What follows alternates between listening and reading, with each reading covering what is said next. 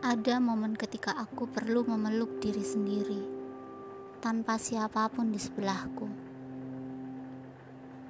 Sengatan nasihat terdengar kadaluarsa setibanya aku mengenyam kecewa.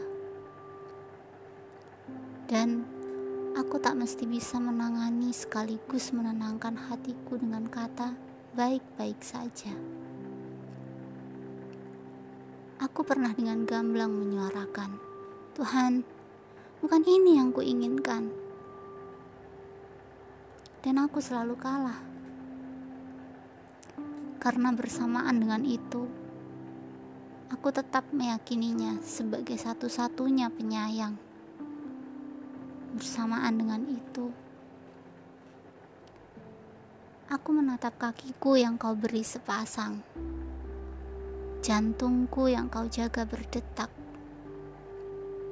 dan kode-kode yang kau kirim padaku saat aku hendak atau sudah berbuat salah. Tanpa ku sadari, aku mencintaimu. Hanya belum kusempurnakan saja. Lantas, setelah badai berlalu, aku kembali mengenang. Bagaimana hari itu aku menjauh dengan raut kesal. Kemudian berbalik saat menyadari engkaulah satu-satunya pulang. Satu kalimat pun meluncur tanpa penahan. Allah, maaf, aku kekanakan. Pada akhirnya, aku tetap menerima. Karena menolak pun aku dapat apa?